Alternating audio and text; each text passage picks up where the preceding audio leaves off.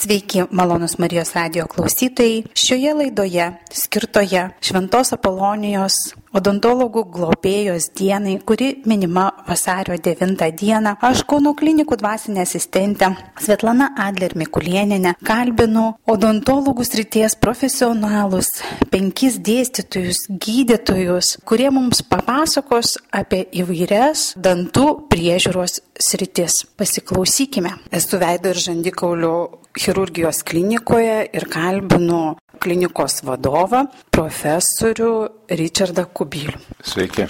Jis sutiko mums atsakyti į klausimus susijusius su protiniais dantimis. Tai protiniai dantis e, kartais išdyksta anksčiau, kartais vėliau ir e, Klausimas yra, ar sulaukus 40 metų normalu, kad e, pradeda dykti protiniai dantis? Protiniai dantis, kaip ir visi dantis, turi savo laiką išdygti. Jie išdygsta 18, 19, 20 metais, kartais 21-aisiais. Ir, o kad 400 metais išdygtų, taip nėra. Kodėl pasirodo dantis vėlesnių laikotarpių, į 400 ir 600 ir 80 metų žmonėms kartais atrodo, kad dantis išdygsta.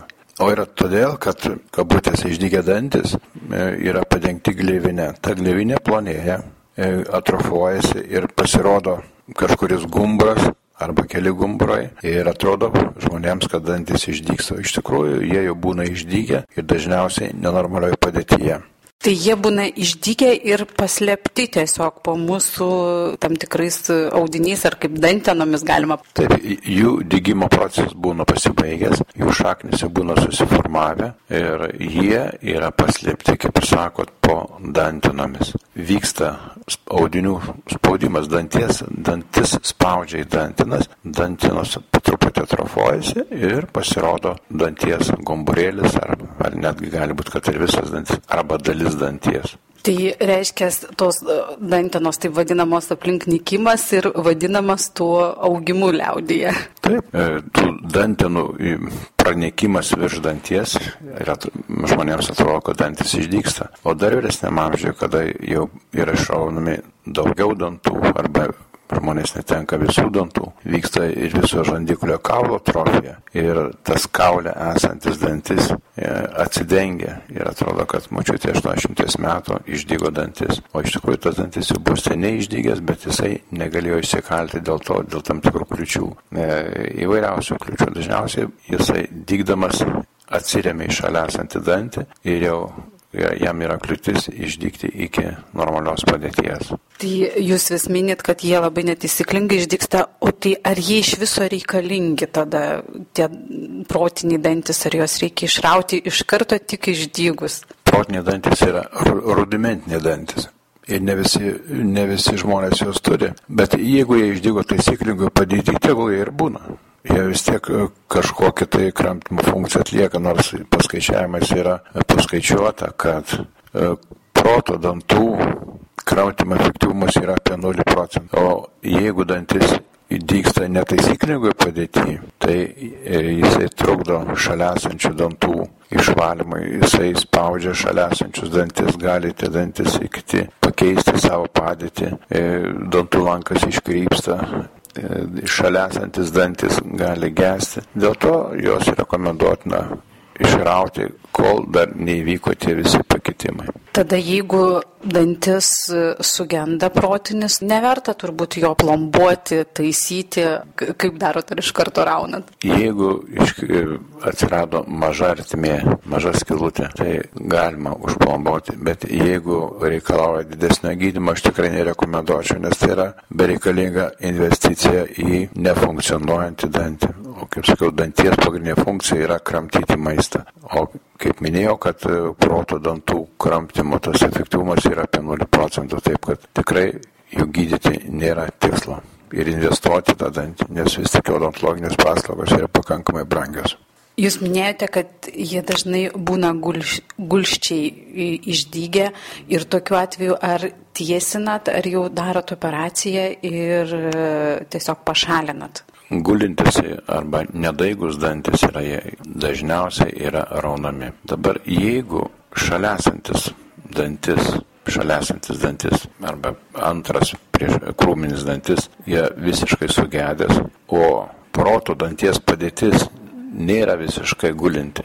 Galbūt galima palikti, kad ir jis išdyks į padėtį atsiradusiam vietos. Nes proto dantis neišdyksta ir dėl to, kad jam trūksta vietos apatinėme žandikulėje. O jeigu yra šalia esantis krūminis dantis sugedęs ir reikia išrauti, o proto danties padėtis yra pakankamai gera, jį dar galima palikti, galbūt jis yra atsistosi į šalia esančio danties vietą. Bet gulintis dantis, jų tikrai nereikia saugoti ir laikyti, jie turi būti raunami. Kodėlgi tokios brangios odontologinės paslaugos?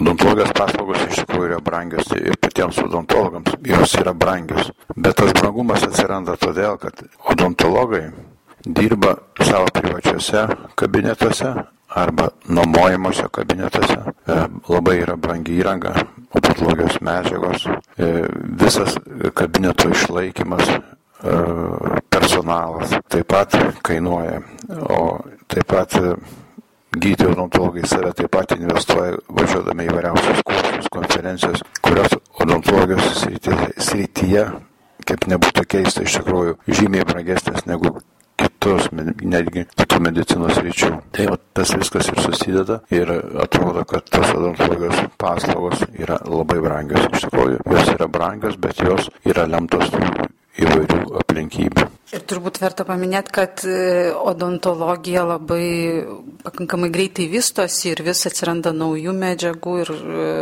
turbūt e, atnaujinti žinias būtina ir privaloma.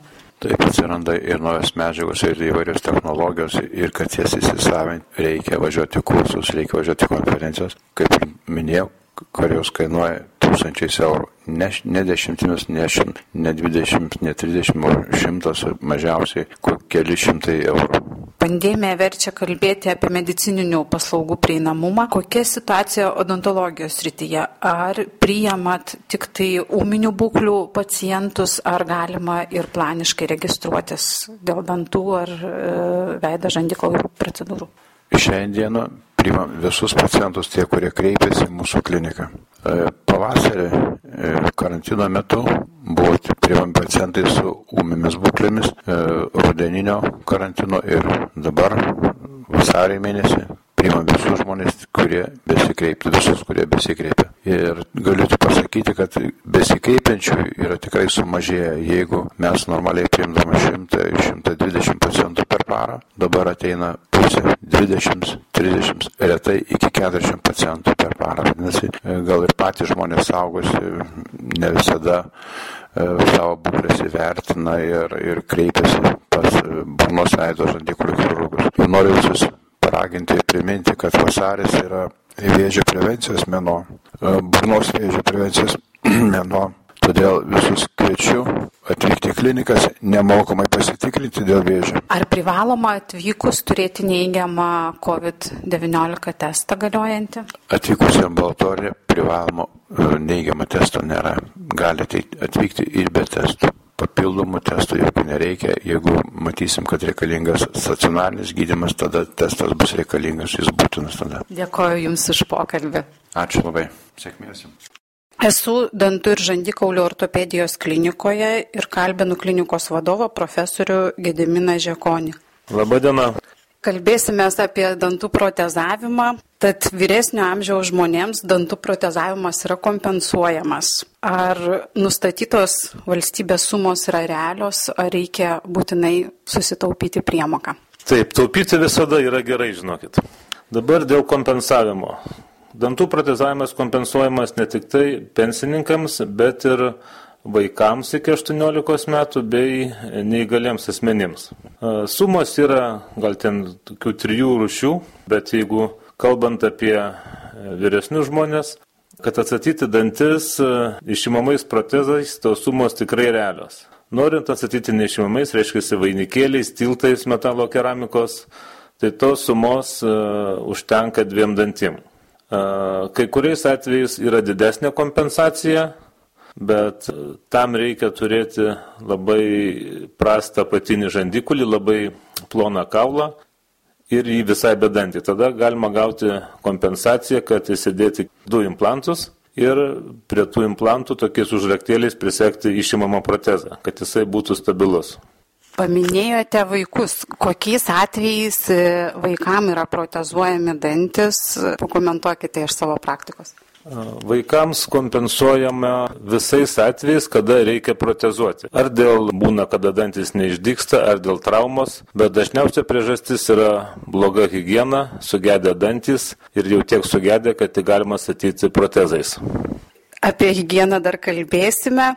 Tai ar galima laisvai rinktis protezavimo kliniką, ar privačiuose uh, klinikose galioja valstybės kompensavimas? Ir čia priklauso tik kainos klausimas. Rinktis protezavimo kliniką galima laisvai, bet ta klinika turi būti sudariusi sutartį su teritoriniam ligonių kasom. E, tokiu atveju toje privačioje klinikoje galima protezuotis ir gauti valstybės kompensavimą. Valstybinės įmonės dažniausiai visos turi sutartį su ligonių kasom, privačios ne visos.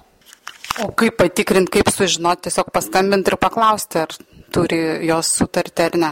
Manau, kad galima paskambinti teritorinės kasas arba į pačią kliniką ir pasiklausti, ar jie turi sutartį, ar, sakysim, galios toje klinikoje valstybės kompensavimas ir turbūt, manau, galima pasidomėti ir teritorinių ligonių kasų puslapyje. Nes anksčiau, kada dar galiodavo tie vadinami laiškai, tai klinikų sąrašas ateidavo su tais laiškais. Ir protezavimo proceso klausimas. Ar protezuojant išraunami visi dantis, jeigu, pavyzdžiui, likę keli sveiki, ar juos paliekate, ar vis dėlto išraunate? Nu, yra toks posakis. Yra dantis, yra problema. Nėra danties, nebėra problemas. Bet jeigu rimtai, vėlgi viskas priklauso nuo gydimo plano. Jeigu, sakysim, mes protezuojam protezų, kuris, nu, planuojam stovės 10 metų, o šalia stovi dantis, kuriam mes duodam gyvenimo kokius penkis metus, jisai jau nėra sveikas, tai gal tada protingiau būtų jį išrauti ir protezuoti taip, kad tas protezas stovėtų ilgiau. Pavyzdžiui, kada protezuojama ant implantų, kadangi tai yra brangus protezai, tai dažnai būna, kad aukoja vieną ar kelis sveikus dantis, kad po to įsukti mažiau implantų ir padaryti vientisą tokį pasagos formos protezą, kuris gali funkcionuoti ilgiau. Taip yra sutaupoma pinigų ir toks nepasidaro kaip abonementas, kad po kelių metų vėl raunam dantį, vėl sukam implantą ir taip toliau. Tai vad dėl tų sveikų rovimo turbūt e, toks būtų atsakymas. Tai kadangi paminėjote e, galiojimo laiką, ar yra vienodas galiojimas, ar čia priklauso nuo medžiagų ir va, truputėlį gal pakomentuokit, kiek 10-15 metų implantų galiojimo laikas? Tas galiojimo laikas yra labai sąlyginis dalykas. Teisiškai net nežinau, ar tas dalykas toks yra. Nes realiai pats implantas, jo pats prigijimas pradinis įsukusius yra gana aukštas. Apatiniam žandikulį netoli 100 turbūt procentų, viršutiniam truputį mažiau, kadangi kaulas retesnis, tokie gal 95 procentai. Tai reiškia, kad vat, iš 10 implantų 9 tikrai prigyja pradžioje. Bet po to jo stovėjimo, kaip sakyti, ilgis ar tas laikas labai priklauso nuo priežiūros, nes e, implantas labiau negu dantis mėgsta švarą. Kadangi kaulas implantą, prie implanto suauga su implantu, bet viršio dantenos prie implanto nepriauga. Ten lieka plyšys ir jeigu ten kaupėsi apnašas, e, reiškia, auga bakterijos, gaunasi uždegimas ir to pasiekoje kaulas gali ištirpti ir implantas iškristi. Tai gali praeiti ir 3, ir 5 metai ir galime mes jo netekti. Bet būna, kad funkcionuoja implantas ir 10, ir 20. Tai, kaip minėjau, priklauso nuo hygienos ir nuo organizmo reakcijos į tą implantą.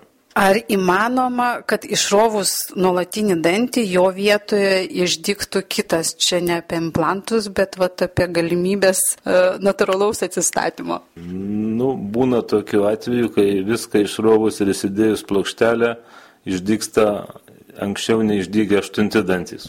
O šiaip žmonėms nauji dantis nebeužsimesga, neužsimesga, nediksta. Ir dar vienas klausimas apie taip vadinamas karūnėlės. E, klaus... Vainikėliai. Vai, jūs vadinat vainikėliai. Tai e, auksiniai vainikėliai, ar jie dabar yra vėl grįžt, grįžta į madą e, ir e, kokiu principu, jeigu naudojamas auksas, ar galima savo atnešti, ar yra specialus auksas, paaiškinkit. Taigi, su auksu yra taip. Anksčiau, imkim, tarybiniais laikais buvo technologija e, auksinių vainikėlių darimo štampuojant. Tai reiškia, jis padarydavo skardą tokią pusės milimetro ir ją ant formos danties apštampuodavo specialių presų.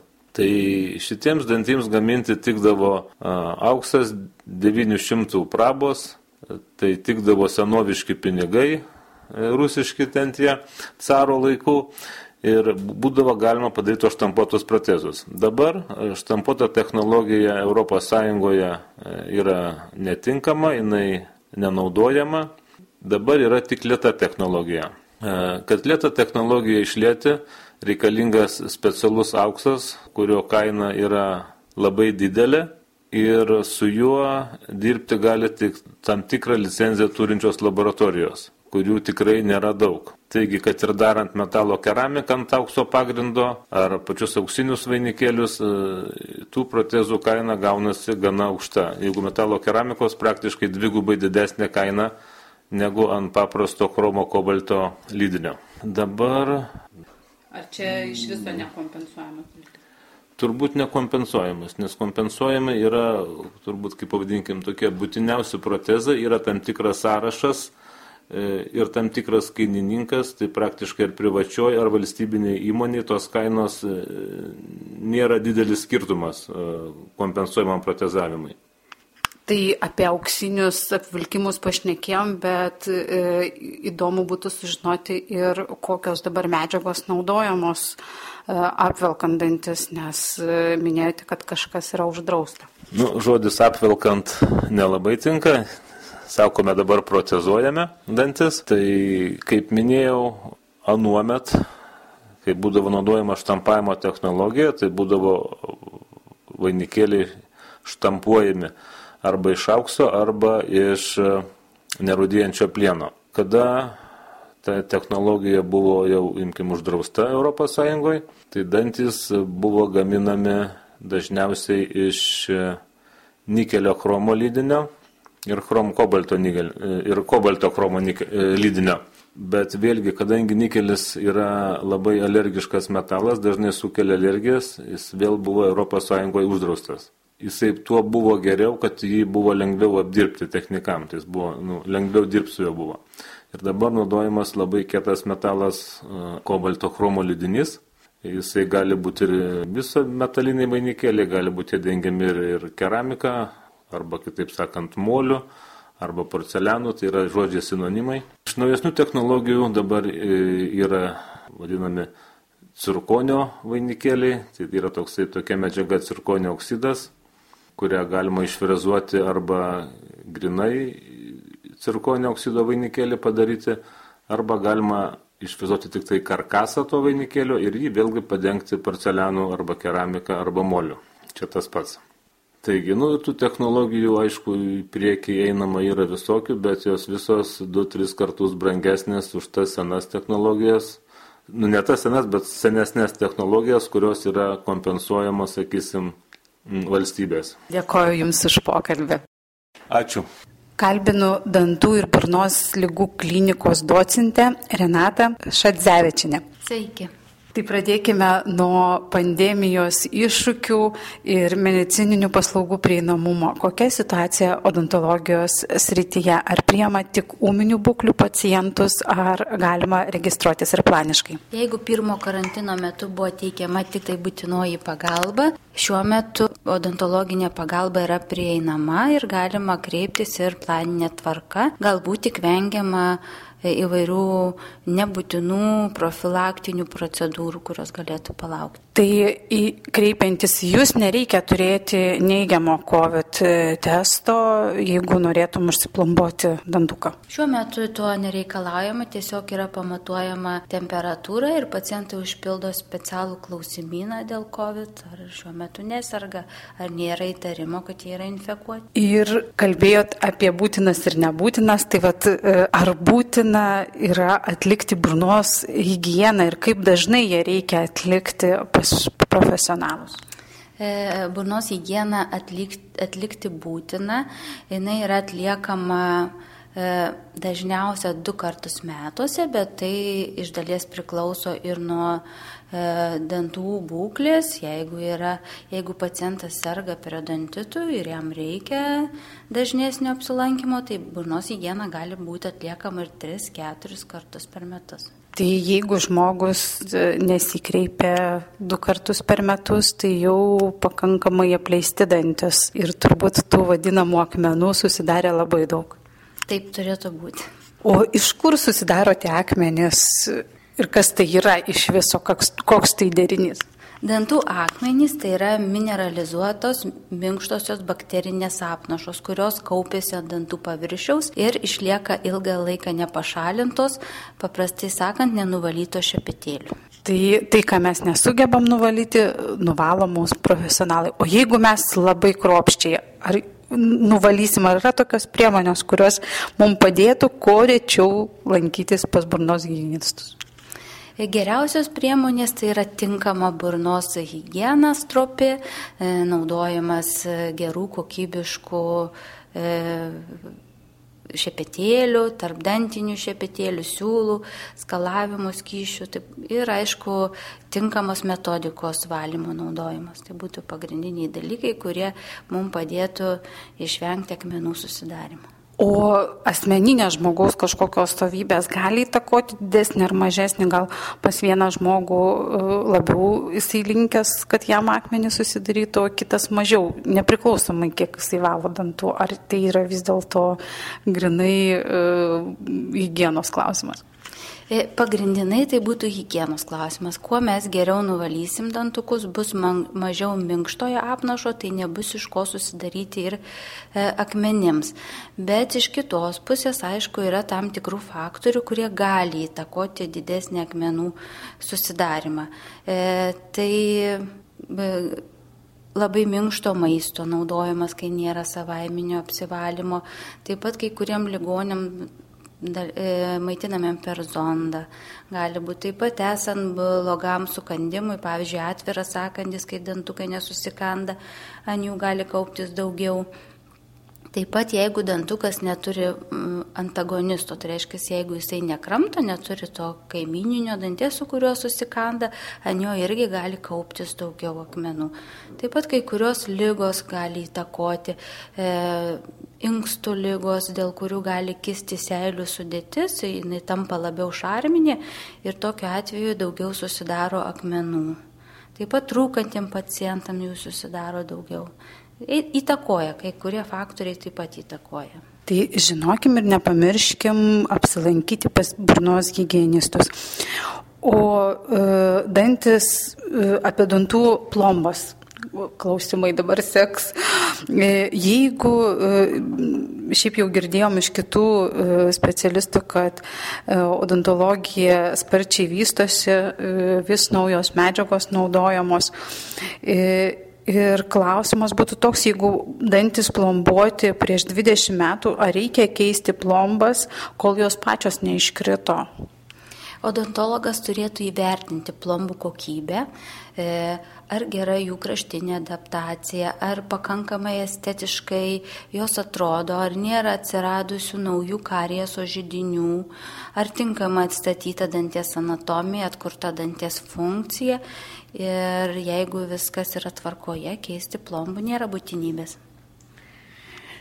Ir klausimai apie tai vadinamą garantiją, nes žmonės eina taisytis dantis ir po to labai pyksta, kai jeigu plomba iškrenta e, praėjus metams, dviems.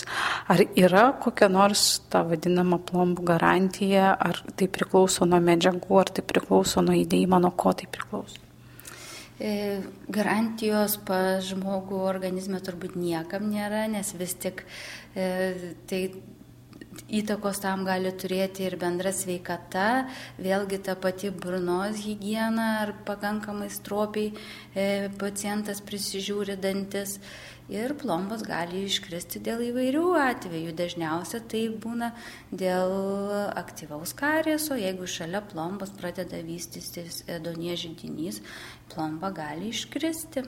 Tai rekomenduotumėt, o yra bendros rekomendacijos, kiek suaugusiam žmogui reikia per metus apsilankyti pas odontologą? Rekomenduočiau du kartus metuose apsilankyti pas odontologą. O esant kažkokiam didesniam problemam, tikriausiai dažniau. Nu tai viskas mūsų rankose iš tikrųjų ir kada žmonės kelia klausimą apie didesnės investicijas, mes galime suprasti, kad tas du kartus rekomenduojamus per metus buvo jau seniai. Taip, jūs teisė. Dėkojame Jums už pokalbį ir tarėme sudė. Sudė. Kalbinau ortodontijos klinikos profesorę, odontologijos fakulteto prodekanę Kristiną Lopatinę. Labadiena. Tai ortodontinis gydimas skirtas neteisinglingos dantų padėties ir neteisinglingo sakandžio korekcijai. Ar šis gydimas yra kompensuojamas tik vaikams? Labai aktuolus klausimas ir visi mūsų pacientai ir jų tėvai dažnai mums užduoda šitą klausimą apie kompensaciją. Yra kompensuojami nuimami ortodontiniai aparatai vaikams iki 18 metų, tai yra populiariai vadinamos ortodontinės plokštelės. O Vaikam turintiems sudėtingų ortodontinių anomalijų, tokių kaip įgimtos veido ir žandikaulių sistemos anomalijos, lūpos nesaugimas, gomurio nesaugimas, taipogi tam tikros įgimtos anomalijos kaip dantų nebuvimas ar adentyje dažniausiai neturi, mes susidurėm, kad neturi šoninių kandžių ar antrųjų kaplių, tiems pacientams yra kompensuojama ir gydimas breketų sistema. Jau paminėt, kad plokštelės yra naudojamos, ar jos tikrai yra efektyvios? Ilgą laiką laiką ortodontijoje Lietuvoje pagrindinis e, galimybė atlikti ortodontinį gydimą buvo ortodontinės plokštelės. Tačiau nuo 90-ųjų metų pradėta plačiai naudoti ir dėkti klinikinę praktiką gydimas breketų sistema. Šiai dienai mes turim dar naują aparatų rūšį, tai kapos, kurios yra gaminamos skaitmeniniu būdu ir tai yra naujas gydimo metodas ir daliai pacientų labai priimtinas. Taigi, kada mes dažniausiai naudojame plokšteles? Plokštelės yra tinkamiausios mišraus sakandžio atveju. Tačiau tuo pačiu metu mes turime įvertinti, kad mūsų mažasis pacientas turi bendradarbiauti. Jeigu to gydimo rezultato norės tik tai gydytojas ortodontas ar gydytojas odontologas, ar tik tėvai, rezultato nebus. Ortodonti magnetinių plokštelių pagrindinis dalykas, kas yra akcentuojama ir kas yra labai svarbu, kad reikia reguliariai išnešioti reikiamą laiką. Jeigu vieną dieną įsidėjai plokštelę, kitą dieną pamiršai, ortodontinio gydimo rezultato nebus. Taigi, jeigu mes dirbame kartu, ortodontas, vaikas ir tėvai, mes rezultato mišraus sakančio metu galime pasiekti. Minėjote kapas, tai jos nekompensuojamos nei vaikams, nei suaugusiems. Kapos yra nekompensuojamos. Ar ortodontiniam gydimui vaiką galima registruoti tik į Kauno klinikų ortodontijos kliniką, kad gauti valstybės kompensavimą, ar galima kreiptis ir privačias gydymo įstaigas? Kauno klinikose yra teikiamos kompensuojamos paslaugos, taip pat yra Kauno miesto poliklinika, centro Šilainių ir Kalniečių padaliniuose dirba gydytojai ortodontai, kurie teikia su teritorinėmis ligonių kasomis sudarytos sutartis ir yra teikiamos paslaugos. Taip pat jeigu privačios klinikos yra sudarę sutartį su teritorinėmis ligonių kasomis, gali būti kompensuojami ortodontiniai aparatai. O Lietuvos mastu ar čia Kauno klinikų ortodontijos klinika dirba su vaikais iš visos Lietuvos? Į Kauno klinikų ortodontijos kliniką atvažiuoja vaikai iš visos Lietuvos, teisingai patvirtinu. Klausimas apie suaugusių ortodontiją, nes šiais laikais jinai vis populiarėja, matome aplinkui, bet ar verta sulaukus 40 e, koreguoti sakandį ir dėtis briketus arba...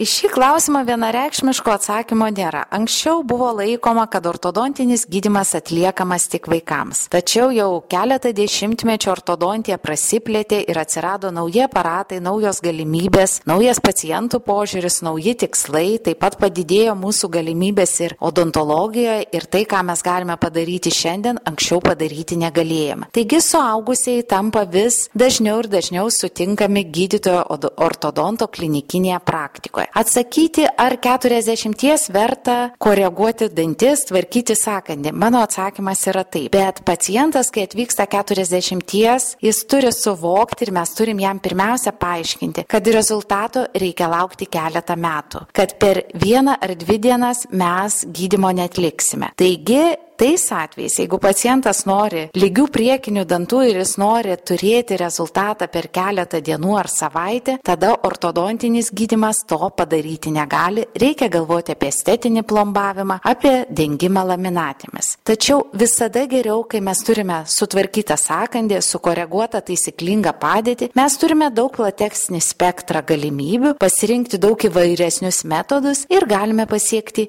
žymiai geresnius rezultatus. Taigi, visada aš skatinu, kad mūsų pacientai pasirinktų tai, kas yra geriausia, atliktų ortodontinį gydimą ir turėtų puikų rezultatą. Bet čia mes tą turime pasiekti komandoje, nes dažnai jau vyresniem pacientam prireikia ir endodonto konsultacijos, ir periodontologo, kartu mes dirbame su burnos higienistu, bei taipogi gali būti, kad reikės ir tam tikrų restauracinių dalykų. Pakalbėjom apie korekcijas, o dabar klausimas, kaip galima būtų išvengti ortodontinių problemų. Turbūt visada mes turime pabaigti kalbėdami apie profilaktiką, apie prevencinės priemonės, nes visada medicinoje ir odontologijoje geriau problemos išvengti, negu jau gydyti esamą ar įsisenėjusią lygą. Taigi atsakymas prasideda nuo to, nuo busimosios mamos. Ji turi žinoti ir puikiai tvarkyti savo dantis, išmanyti burnos higieną ir būti pasirengusi užtikrinti kokybišką burnos higieną savo vaikui. Nes kodėl aš pradedu nuo hygienos kalbėdama apie ortodontinio anomalijų profilaktiką. Ortodontinės anomalijos sukelia visa eilė veiksnių ir tik 5 procentams savo pacientų mes galime pasakyti, kokia yra viena priežastis, kuri įtakoja ortodontinės anomalijos atsiradimą. Likę 95 procentai ortodontinio anomalijų yra atsiradę dėl visos eilės faktorių. Viena grupė tai yra genetika. Ta mes atsinešame paveldėjimą turime ir jeigu pas mūsų tėvus, senelius ar prosenelius ar dar tolimesnėse kartose buvo tam tikros ortodontinės anomalijos, tai jos yra tikimybė gali atsirasti ir pas būsimai vaiką. Kaip pavyzdys visada aš savo studentam pateikiu karalių Habsburgų dinastiją, kurie turėjo stambų apatinį šandikaulį ir didelį smakrą. Kita veiksnių grupė tai yra vaisiaus ir embriono vystimosi periodas, kai nepalankus aplinkos veiksniai, tam tikrų žalingų faktorių faktorių veikimas, vaistai ar kiti veiksniai nulėmia apsigimimus ar kitas vystimosi anomalijas, kada gali būti ir lūpos nesaugimas, gomurio nesaugimas. Ir trečia grupė, kuri veikia, kai vaikas auga ir formuojasi po gimimo. Tai pradedame mes kalbėti, kad mums yra būtinas natūralus maitinimas, nes taip tik yra užtikrinamas taisyklingas veido žandikaulių sistemos augimas. Toliau mes kalbame jaunai mamai apie tai, kad turi būti taisyklinga žinduko forma. Jeigu vaikas maitinamas buteliuku, turi būti vėl atsižvelgta į tai, kokios formos buteliuko čindukas. Sekanti atsiranda netaisyklingi įpročiai. Tai yra piršto čiulpimas. Iki dviejų metų vaikas, jeigu čiulpia pirštą, tėvai gali būti ramus. Tačiau jeigu penkių šešių metų vaikas čiulpia pirštą, tai galime kalbėti apie tai, kad yra didelė rizika ortodontinė anomalija atsirasti. Kitas veiksnys mums labai svarbus yra netaisyklingas ilgalaikis kvepavimas pro burną, kas vėliau gali lemti netaisyklingo reikšmingo veido žandikaulių sistemos augimą ir ortodontinės anomalijos išsivystymą. Kita grupė tai yra dantų edonis ir prieš laiką iškritę pieniniai dantis. Nuolatiniai dantis dyksta užimdami pieninių dantukų vietą ir mes galime turėti dantų susigrūdimą. Todėl aš grįžtu į savo pradžią, kad puikiai hygiena, edonies išvengimas, taikymas profilaktinių priemonių, dalyvavimas silantų programoje ir jeigu jau išsivystė edonis pieniniuose dantyse, būtina kreiptis į gydytoją odontologą ir savo laiku gydyti. Nes geriausia, ką galime padaryti mūsų vaikui, tai išvengti ir pašalinti visus žalingus veiksnius, kurie gali lemti ortodontinio anomalijų atsiradimą. Dėkojame Jūs už pokalbį, o apie vaikučių dantukus pakalbėsim su sekančia pašnekovė. Ačiū už klausimus ir geros dienos. Kalbinu burnos priežiūros ir vaikų odontologijos klinikos profesorę Eglę Slopšinskienę. Labadiena. Tėvams aktualu silantų programa, e, ar jinai dar yra, ar jos nenutraukia ir kam jinai rekomenduojama kokio amžiaus vaikučiams. Silantų programa yra a, nuo 2021 metų sausio pirmos dienos yra praplėstos netgi amžiaus ribos. Silantai yra dengiami nuolatiniai krūminiai dantis, kada jie išdyksta. Ar tai efektyvu, ar tikrai apsaugo vaikų dantukus? Norėčiau truputėlį paaiškinti, kodėl iš vis yra dengiami dantis silantais. Danties mineralizacija prasideda nuo kauburų ir tik išdygę nuolatiniai dantis, jų vagelės yra silpnai mineralizuotos arba paprastai liaudiškai šnekant, jos yra minkštokos ir neatsparios tų rūkščių, kurios susidaro, kai patenka angliavandeniai su maistu ir jos fermentuoja mikroorganizmai esantis burnoje, yra pakankamai e, neatsparus, e, reiškia, tas emalis, kuris iškloja vagelę ir dėl to yra dengiamas silantais, tai yra tam tikra kaip plombinė medžiaga ir jinai e,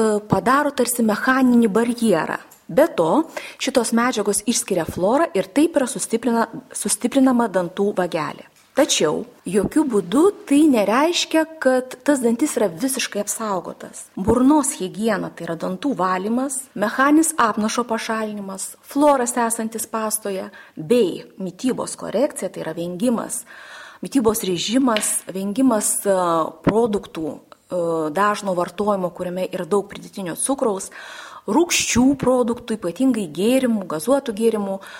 Šitų visų, reiškia, mytyba, jinai irgi yra labai labai svarbi.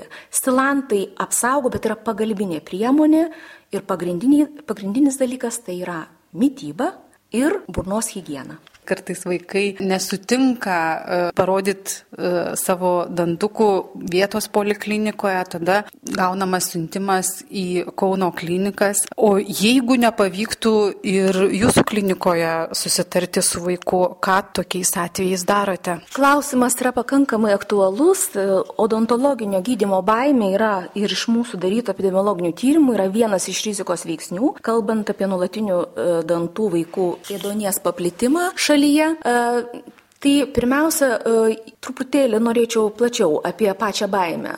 Tai nėra vieno atsakymo. Taip kaip kiekvienas vaikas yra skirtingas, skir, e, skirtingas jo yra psichologinis temperamentas, skirtinga klinikinė situacija, tokių bendrų taisyklių nėra. Nes nežiūrint to, kad yra metodikos vaiko elgesio valdymo, kiekvienas odontologas turi profesionalias žinias, tačiau kiekviena situacija yra unikali. Tai jei Pavyzdžiui, vaiko mažas amžius iki trijų metų su tokiu vaiku, kuris priima gana primityviai visą supančią aplinką ir nesupranta loginių savokų, tokie vaikučiai, ypač jeigu mes turim tą vadinamą buteliuko duonį gana agresyvų, vystosi dunės komplikacijos, jie visi dažniausiai yra gydomi su bendrinė nejautra. Jeigu yra vyresni vaikai, visada Daroma viskas, kad išvengti šitos procedūros, kuri šiaip jau yra invazinė, nežiūrint visų šio laikinės anesteziolog, anesteziologijos laimėjimų, tačiau vis tik tai tai yra gana intervencinė procedūra ir e, darom viską, kad to išvengti. Pirmiausia, e, sėkmiai tai yra turi dirbti darni komanda. Tai yra ir teveliai, ir gydytojas turi norėti šito rezultato. Vaikas turi nejausti baimės, tėvų akise gydytojas turi būti autoritetas ir tada dažniausiai yra sėkmė. Kartais prireikia ne vieno vizito, prireikia kelių vizitų, reiškia reikia rinktis gydytojo ir gydymo įstaigą, kas turi laiko, tą baimę taip vadinamą desensibilizuoti arba nujautrinti, pradėti nuo elementariausių procedūrų, bet svarbiausias momentas tai yra profilaktiniai vizitai, kad vaikas nepatektų su skausmu. Nes jei yra situacija, kad vaikas yra po nemigos skausmo nakties, ateina su ištinusiu žandu, su uždegiminiam komplikacijom, gydytojas odontologas gali būti labai didžiulis profesionalas, žinoti begalę elgesio valdymo technikų, kartais rezultatas dažnai jisai būna nesėkmingas ir mums prireikia gydimo bendrinė neutroje. Ar galima e, tokiais atvejais e, vaiką pasodinti tėvams ant kelių? Ar naudojate tokią praktiką? Visada, jeigu vaikas yra mažas, visada yra sodinamas, visada tėvai dalyvauja gydimo procese. Jeigu vaikas pageidauja, net jeigu jis yra vyresnis, jeigu jis jaučiasi nesaugiai, tai tikrai taip. Tačiau jeigu šnekėt apie tą psichologinės baimės valdymą ir apie vyresnius vaikus šneku, tai tėvų tas dalyvavimas pačiam gydymo procese jis irgi turi tam tikrų aspektų. Nes pavyzdžiui, jeigu vaikas labai negatyviai reaguoja ir jisai būna, na, pavyzdžiui, ne, nekalba su gydytoju, ar ne, jis nusisukęs, gydytojas mato vaiko pakaušį, reiškia, psichologinio kontakto nėra. Ir kartais galim pasakyti, kad tėveliai turėtų pasodinti vieną vaiką, kad uh, užsimėgstų tas kontaktas psichologinis tarp vaiko ir uh, gydytojo.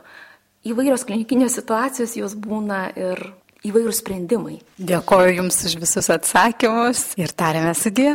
Ačiū labai už klausimus. Šventai Apolonijai skirtą laidą baigiame. Visus pašnekovus kalbinau aš, Svetlana Adler Mikulieninė, o laidą baigti norėčiau sveikinimo žodžiais. Te globoju Jūs šventoji Apolonija, kad jos globą patirtų ir Jūsų pacientai. Būkime sveiki, atsakingai elkime, mylėkime save ir kitus.